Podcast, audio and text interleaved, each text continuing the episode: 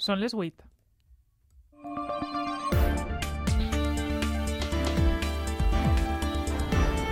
A punt. Les notícies de la nit. Amb Sara Garcia.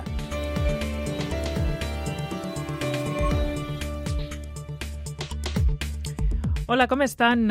Amb calor, llevat que estiguen en algun interior amb aire condicionat. I és que l'era l'era de l'ebullició global ha arribat, segons el secretari de Nacions Unides, Antonio Guterres. I és que en este mes de juliol, meteorològicament parlant, ho estem batent tot, i no només així, a tot el món. Guterres ha indicat tres rècords. According to the data released today, July has already seen. Juliol ha batut el rècord de tres setmanes seguides amb les temperatures més altes des que hi ha registres, els tres dies amb les temperatures més altes vistes mai i la temperatura de l'oceà més alta observada fins ara en este període de l'any. Dades aportades per l'Organització Meteorològica Mundial i el Servei de Canvi Climàtic de Copèrnicus. La boia de València també ha superat tots els índexs del juliol, assolint una temperatura de 28 amb 7 graus centígrads.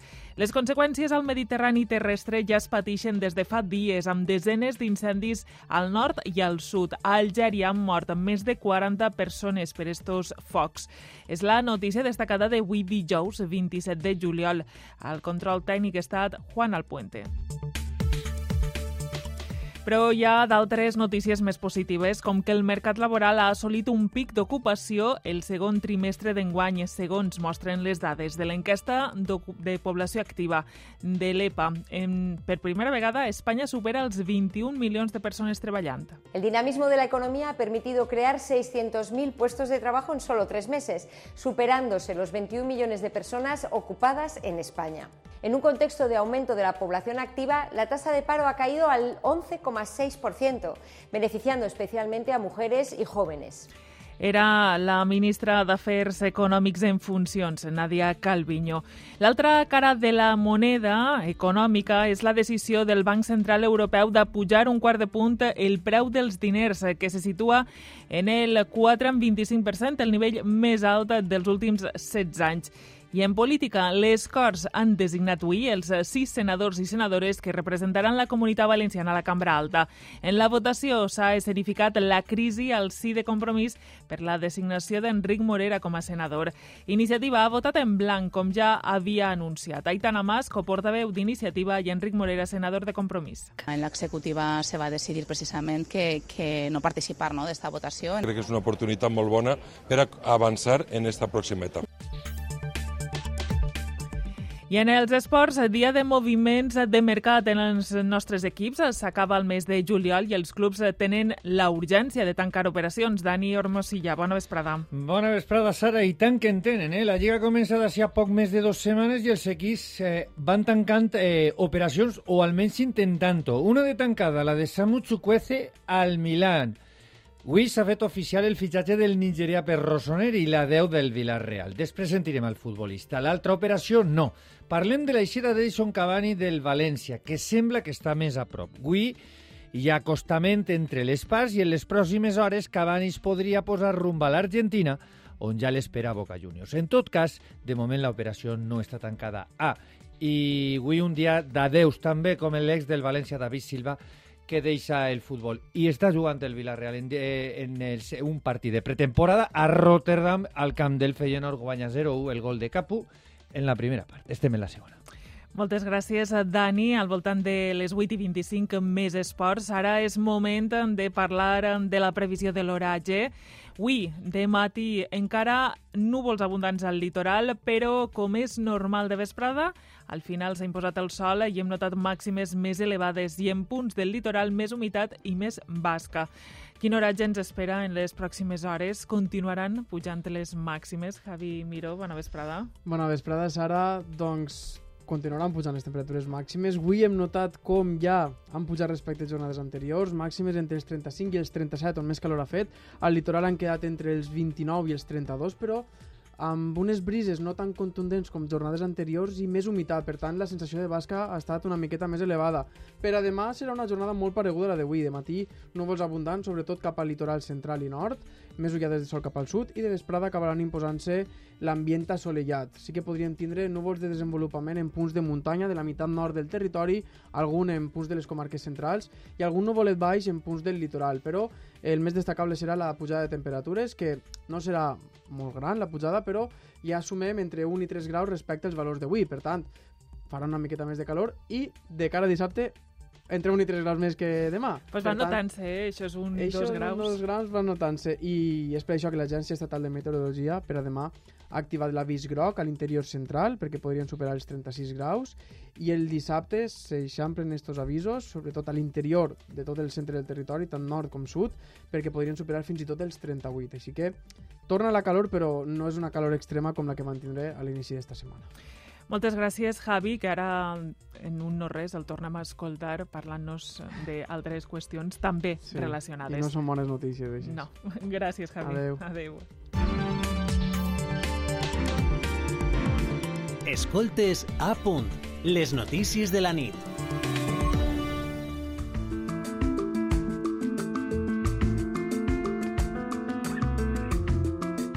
Són les eh, 8 i 6 de la vesprada. Comencem el relat informatiu a les notícies de la nit.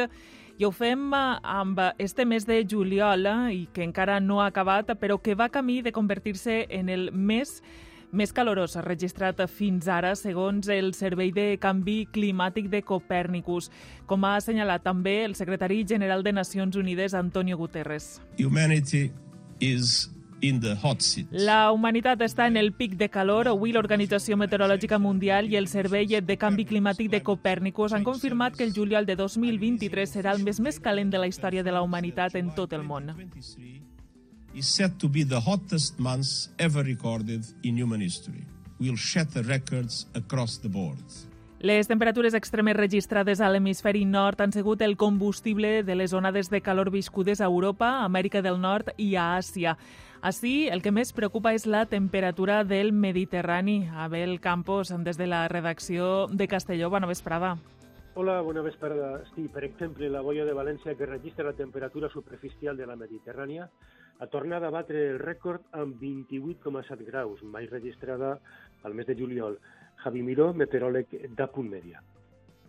Això no havia passat mai, mai s'havia superat els 28 graus, doncs ja s'ha superat estos 28 graus, i a més sol ser, és destacable perquè la temperatura màxima sol donar-se a meitat mes d'agost o fins i tot a finals del mes d'agost, no a principis, per tant, tot apunta que el rècord no quedarà així. Hem viscut episodis de rècord. L'11 de juliol a Casas del Río van arribar als 44,7 graus, la temperatura més elevada de la península ibèrica. A València es van viure 12 nits tòrrides seguides a 25 graus. Al litoral de la Marina Baixa i l'Alacantí porten 26 dies continuats amb estes nits insuportables a 25 graus. Les temperatures, les temperatures extremes de l'hemisferi nord han sigut eixe combustible de les onades de calor a Europa. Els turistes han suportat temperatures per damunt dels 40 graus. Les autoritats han hagut de repartir aigua. Els incendis forestals s'han acarnissat amb Canadà i Grècia. L'atenció a domicili de la gent gran també està batent rècords històrics a Itàlia. El responsable principal del que està passant és el canvi climàtic i, com a factor potenciador, el fenomen del Niño. Moltes gràcies, Abel, per apuntar-nos algunes de les qüestions que estan darrere d'esta onada de calor o d'este mes de juliol tan càlid. I en este context, el foc continua cremant en una vora i l'altra del Mediterrani. A Algèria han mort més de 40 persones, mentre que Itàlia i Grècia lluiten contra desenes d'incendis també. Hi ha notícies, però, esperançadores. Es preveu una imminent baixada de temperatures que podria facilitar les tasques d'extinció. Arturo Monedero. En les últimes hores s'han declarat 61 incendis naus a Grècia i han mort dos veïns que no pogueren escapar del foc. El vent l'escampa per tot arreu, lamenta un voluntari. A Volos s'han evacuat nou localitats i moltes fàbriques i granges han quedat completament cremades. Un ramader que culpa els polítics explica que és la conseqüència de la falta de neteja del camp i l'abandó de conreus. A Sicília encara lluiten contra 30 incendis actius. Hi ha talls de llum i aigua, a més d'importants danys en el patrimoni cultural de l'illa. La chiesa si è perduta letteralmente. Hem perdut literalment l'església, lamenta un dels frares. Desolació a Algèria. Les flames han deixat fins ara 40 víctimes mortals. I situació molt complicada a Síria. El govern provincial de l'Atàquia denuncia atacs terroristes que provoquen més incendis i dificulten les tasques d'extinció als seus bombers. Un altre element bàsic i molt afectat per l'emergència climàtica és l'aigua, cada vegada més escassa. De fet, després d'una setmana amb poques pluges i en plena canícula, la reserva d'aigua ha descendit per eh, sisena setmana consecutiva. La reserva dels embassaments de les conques del Xúquer i del Segura ha baixat en l'última setmana 1,1 punts. Així les coses, els embassaments del Xúquer estan al, 40, al 54% de la seva capacitat, 10,6 punts per damunt de la mitjana espanyola. Tot el contrari que els del Segura, que estan al 32,4% de capacitat, 11 punts per sota de la mitjana espanyola. En este context, avui hem sabut que el Tribunal Suprem ha desestimat la suspensió cautelar del trasbassament del Tajo al Segura pel, per cabals ecològics plantejada per la Diputació d'Alacant i per la regió de Múrcia. El Tribunal no considera justificada la mesura. Manel Biosca ha buscat les reaccions dels afectats. El Tribunal Suprem considera que els cabals previstos en el Pla de Conca del Tajo són necessaris per evitar el deteriorament d'este riu. És l'argument de pes que el Tribunal ha donat per a no acceptar les mesures cautelars sol·licitades per la Diputació d'Alacant. La institució alacantina, com també la Generalitat i el govern de Múrcia, havia sol·licitat la paralització de les pujades graduals d'estos cabals, és a dir, més aigua per al riu i menys per a regar. Al 2027 seria 8,6 metres cúbics per segon. Una notícia rebuda amb decepció pels 80.000 regants que en depenen. Roque Bru és un d'ells, membre del sindicat agrari Saja i d'una comunitat de regants d'Alx. Eh, no tenim la possibilitat de substituir l'aigua del trasbase per eh, aigua desalada perquè aquí no aplega, no aplega la conducció de, de l'aigua de Tosebella i per tant eh, va ocasionar un perjuí molt gran al, al sud d'Alacant i al Camp d'Elx. Els regants consideren que aquests arguments depenen més de decisions polítiques que tècniques. El president de la Generalitat, Carlos Mazón, que va posar en marxa este recurs quan era president de la institució provincial, ha anunciat que estudiarà mesures contra esta decisió. Eh, anunciar que voy a dar instrucciones a la Abogacía General de la Generalitat Valenciana para poder estudiar todos los mecanismos legales, si es que los hubiere, eh, para poder armarnos jurídicamente, eh, porque políticamente también lo vamos a hacer. Els agricultors del sud també han rebut una altra notícia negativa en saber que la Comissió Central d'Explotació del Trasbassament només ha aprovat 15 hectòmetres cúbics per al mes de juliol i no els 20 que havien sol·licitat. Ara temen que es vegin afectats els cítrics per este nou retall. Escoltes a punt. Les notícies de la nit. Amb Sara Garcia. Parlem d'economia. El mercat laboral es reactiva amb força segons l'enquesta de població activa corresponent al segon trimestre de l'any. Bones xifres a la Comunitat Valenciana i a Espanya que registra un rècord d'ocupació en el període d'abril a juny. Segons eh, les dades de l'EPA publicades avui, Espanya supera per primera vegada en la història els 21 milions de persones treballant. Més de 600.000 persones s'han incorporat al mercat laboral en este segon trimestre. Pel que fa a la Comunitat Valenciana, el nombre de persones ocupades ocupades ha augmentat en vora 34.000 i la xifra total supera els 2.240.000. La desocupació també cau amb força. A Espanya l'atur baixa en més de 365.000 persones i la xifra total se situa en 2.700.000, la més baixa des de 2008, és a dir, des de fa 15 anys. La Comunitat Valenciana és la quarta on més baixa la desocupació, amb 41.100 persones desocupades menys. I en este context, la ministra d'Afers Econòmics en funcions, Nadia Calviño, ha destacat l'ocupació creada des del sector privat i el notable increment de les treballadores y treballadors autònoms. El sector privado está siendo el principal motor de creación de en todo el país con una mejora de la calidad y la estabilidad de los empleos y un aumento de casi 100.000 trabajadores autónomos. El turisme accelera també la creació d'ocupació en este segon trimestre de l'any i això ho revelen les dades que els acabem d'explicar. La restauració i l'hostaleria són el motor d'aquestes bones dades d'ocupació. Ens ho explica Xema Millan. L'ocupació creix més de l'habitual en este segon trimestre, tradicionalment positiu per l'impuls de les activitats estacionals, com l'hostaleria. En este baret de platja, quan comença la temporada, és el moment de contractar més personal com Ángela. Empezamos en mayo con menos gente, unos trabajadores, y a medida que van pasando los meses, sobre todo julio y agosto, somos más. Turno de mañanas, turno de noches, incluso turno de mediodías. 34.000 persones han trobat faena a la nostra comunitat en este període. Per als sindicats, el més rellevant és la baixada de la temporalitat i l'atribueixen als efectes positius de la reforma laboral.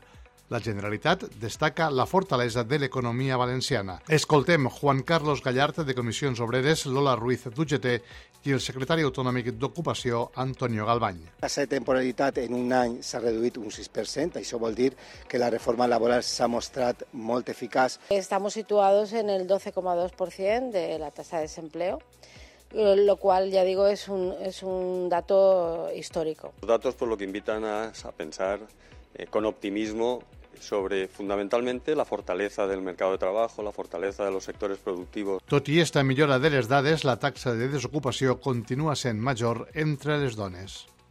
I el Banc Central Europeu ha pujat els tipus d'interès 25 punts bàsics, situant-los al nivell més alt dels últims 16 anys. En apenes un any, la política monetària ha fet un canvi radical per a controlar la inflació i ha realitzat nou increments consecutius del preu dels diners que ha passat del 0 al 4 en 25%. Amb aquesta decisió, les més perjudicades, les més de 5 milions de llars amb hipoteca variable, que s'han encarit al voltant de 3.000 euros a l'any. Our future decisions will ensure that the key La presidenta del Banc Central Europeu, Christine Lagarde, ha deixat la porta oberta a noves pujades i assegura que seran les dades les que diran quan i quant més han d'intervindre per arribar a l'objectiu del 2% d'inflació fixat.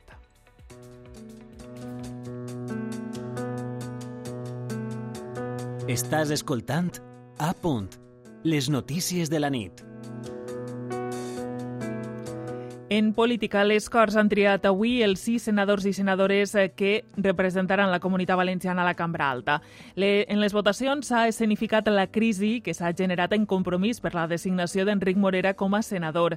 Iniciativa ha decidit votar en blanc i ha dit que les relacions orgàniques continuen trencades. Aitana Mas, coportaveu d'Iniciativa i portaveu adjunta de Compromís, i Enric Morera, senador de la coalició. En l'executiva se va decidir precisament que, que no participar no, d'esta votació. Entenem que, que és una qüestió que ja s'ha explicat i nosaltres pues, avui hem volgut traslladar això ni més ni menys. Compromís és un instrument fonamental per a que aquesta etapa de governs de PP i PSOE siga un parèntesi i, per tant, és un instrument potent que s'ha de millorar. I un conflicte pot ser una oportunitat i crec que és una oportunitat molt bona per a avançar en aquesta pròxima etapa.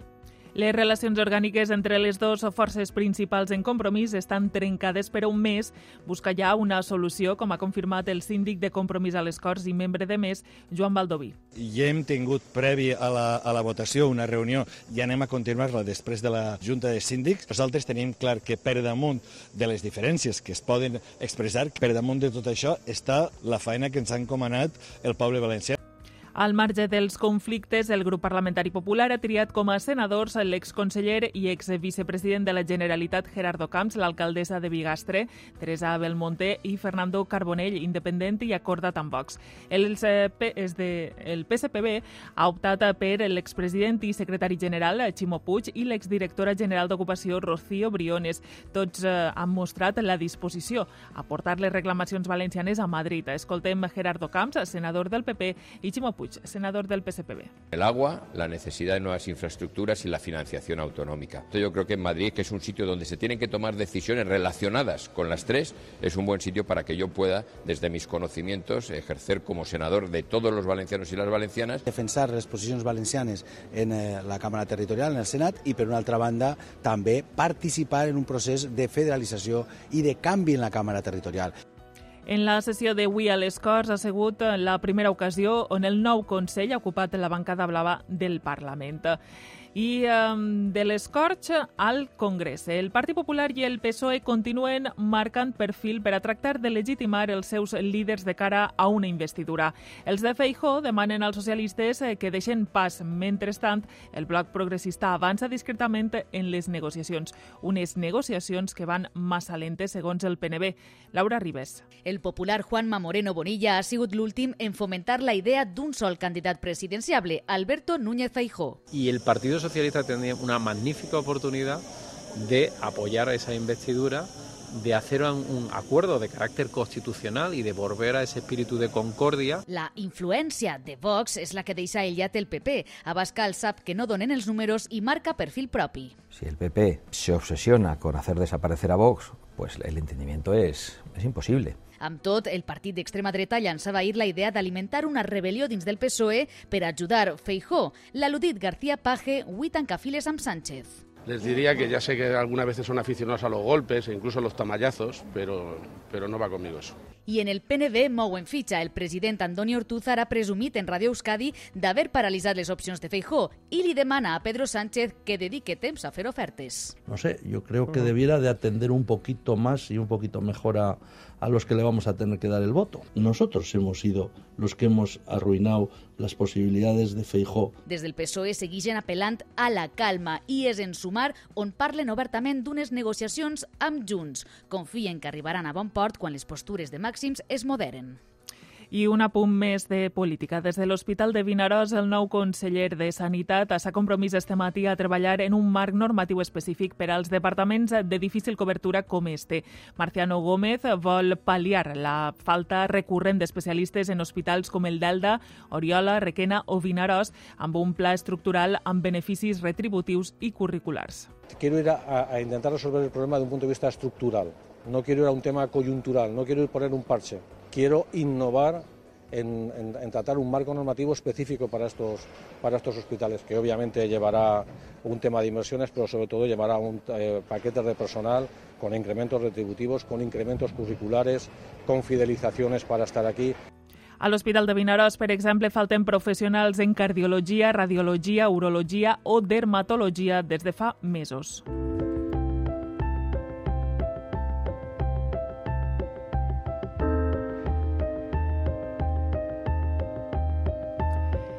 Els expliquem també que el juí de l'accident del tren Àlvia, en què van morir 80 persones i 145 van resultar ferides, ha quedat vist per a sentència. La jutgessa haurà de determinar ara si el maquinista del tren i l'exresponsable de seguretat d'Adif van ser els únics responsables del sinistre.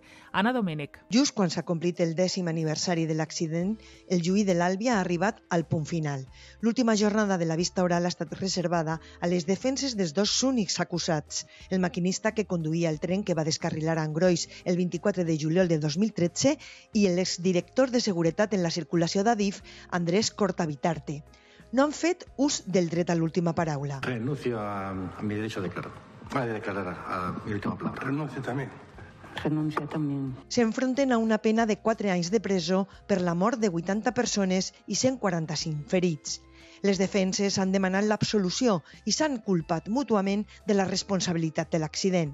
Manuel Prieto, advocat defensor de José Garzón, maquinista de l'Àlvia. Ignacio Sánchez, advocat defensor d'Andrés Cortavitarte, es director de Seguretat en la Circulació d'Adif. Es Adif el garante de toda la seguridad ferroviaria y su director de seguridad en la circulación la persona que tenía el absoluto dominio del hecho y podía haber evitado el siniestro. La conducta del maquinista, la forma en la que estaba circulando ese 24 de, de julio de 2013, es una causa directa y eficiente eh, anòmala e inusual.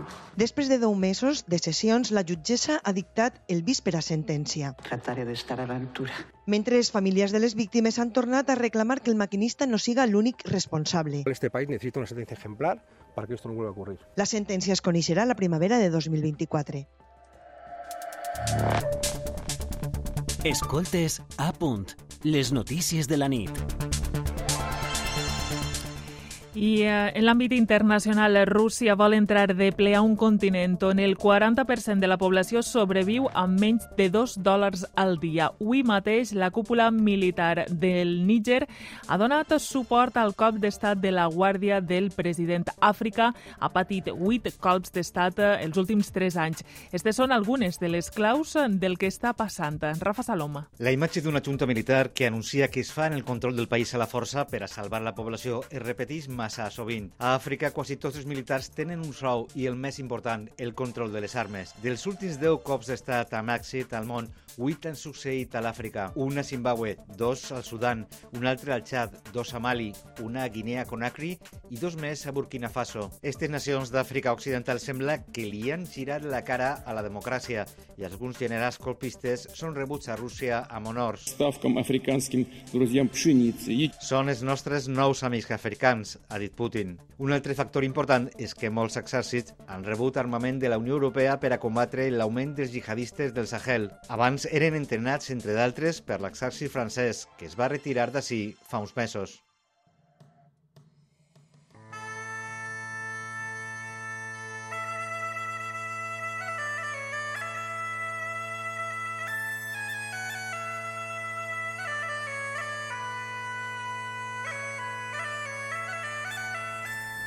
I eh, ens traslladem ara a Morella perquè està vesprada. Allí ha començat la 44a edició de la Plec dels Ports. Els dimonis i els gaiters de Morella han pres els carrers del poble per a donar el tir d'eixida a uns dies de trobada comarcal. Sota el lema Sembrem comarca, collim futur, comencen quatre dies de concerts, exposicions, xerrades i tallers per a totes les edats.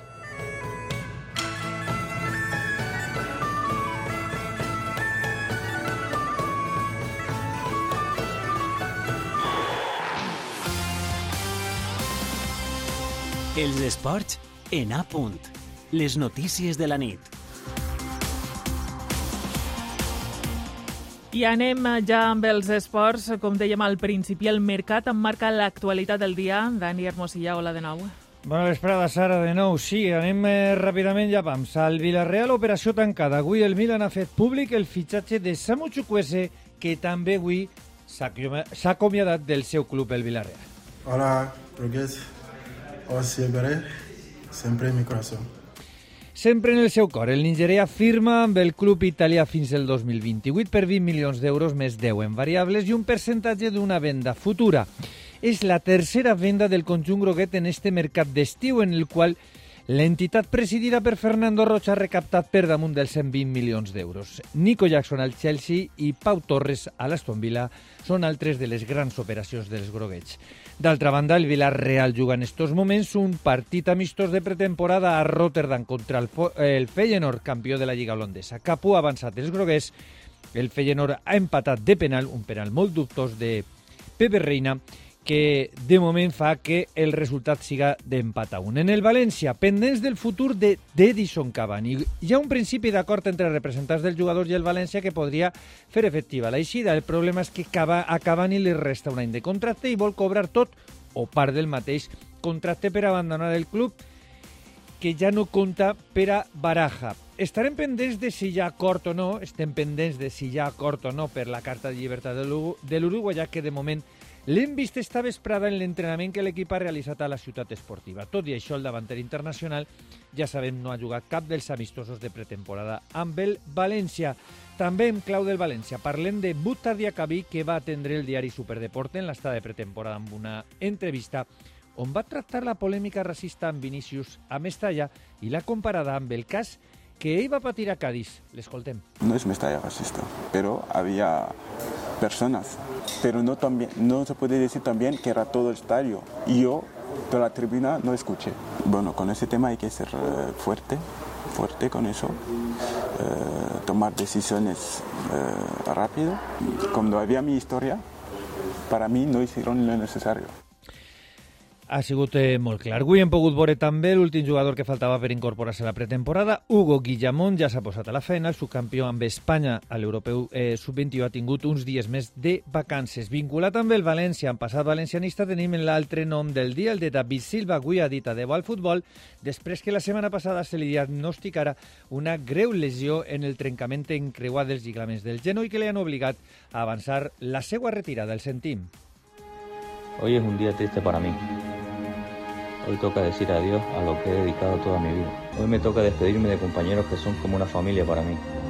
Os voy a echar mucho de menos. Che, Armero, Celtiña, Citizen y Chulurdines. Gracias porque me habéis hecho sentir como en casa. Com en casa s'ha sentit. En l'Elx, el president Joaquim Buitrago ha parlat avui sobre el mercat franjaver. Un dels jugadors que podria abandonar el club i interessa al València és Lucas Boyer. El president no descarta que l'argentí pugui eixir previ pagament dels 15 milions d'euros de la clàusula de rescisió. El sentim. Si hay que venderlo, hay que venderlo pero por su por su justo precio. También hay que tener en cuenta la, la, opinión del jugador, ¿no? Pero al final, la única posibilidad de aumentar el límite presupuestario de cualquier club... Bé, era les paraules de Buitrago en el Tour de Francia ja per acabar. Victòria, en el de Fèmines, victòria de la corredora del Caneón eh, Ricarda Boamer-Frein en solitari. La notícia del dia és que Demi Bolerín l'han sancionat en 20 segons. Una de les favorites. Sara, és tot. Gràcies, Dani. Fins així les notícies de la nit. Gràcies per estar a l'altra banda. I ara ja saben, es queden amb Isa Monsó i la resta de l'equip de Territori Sonor. Bona nit.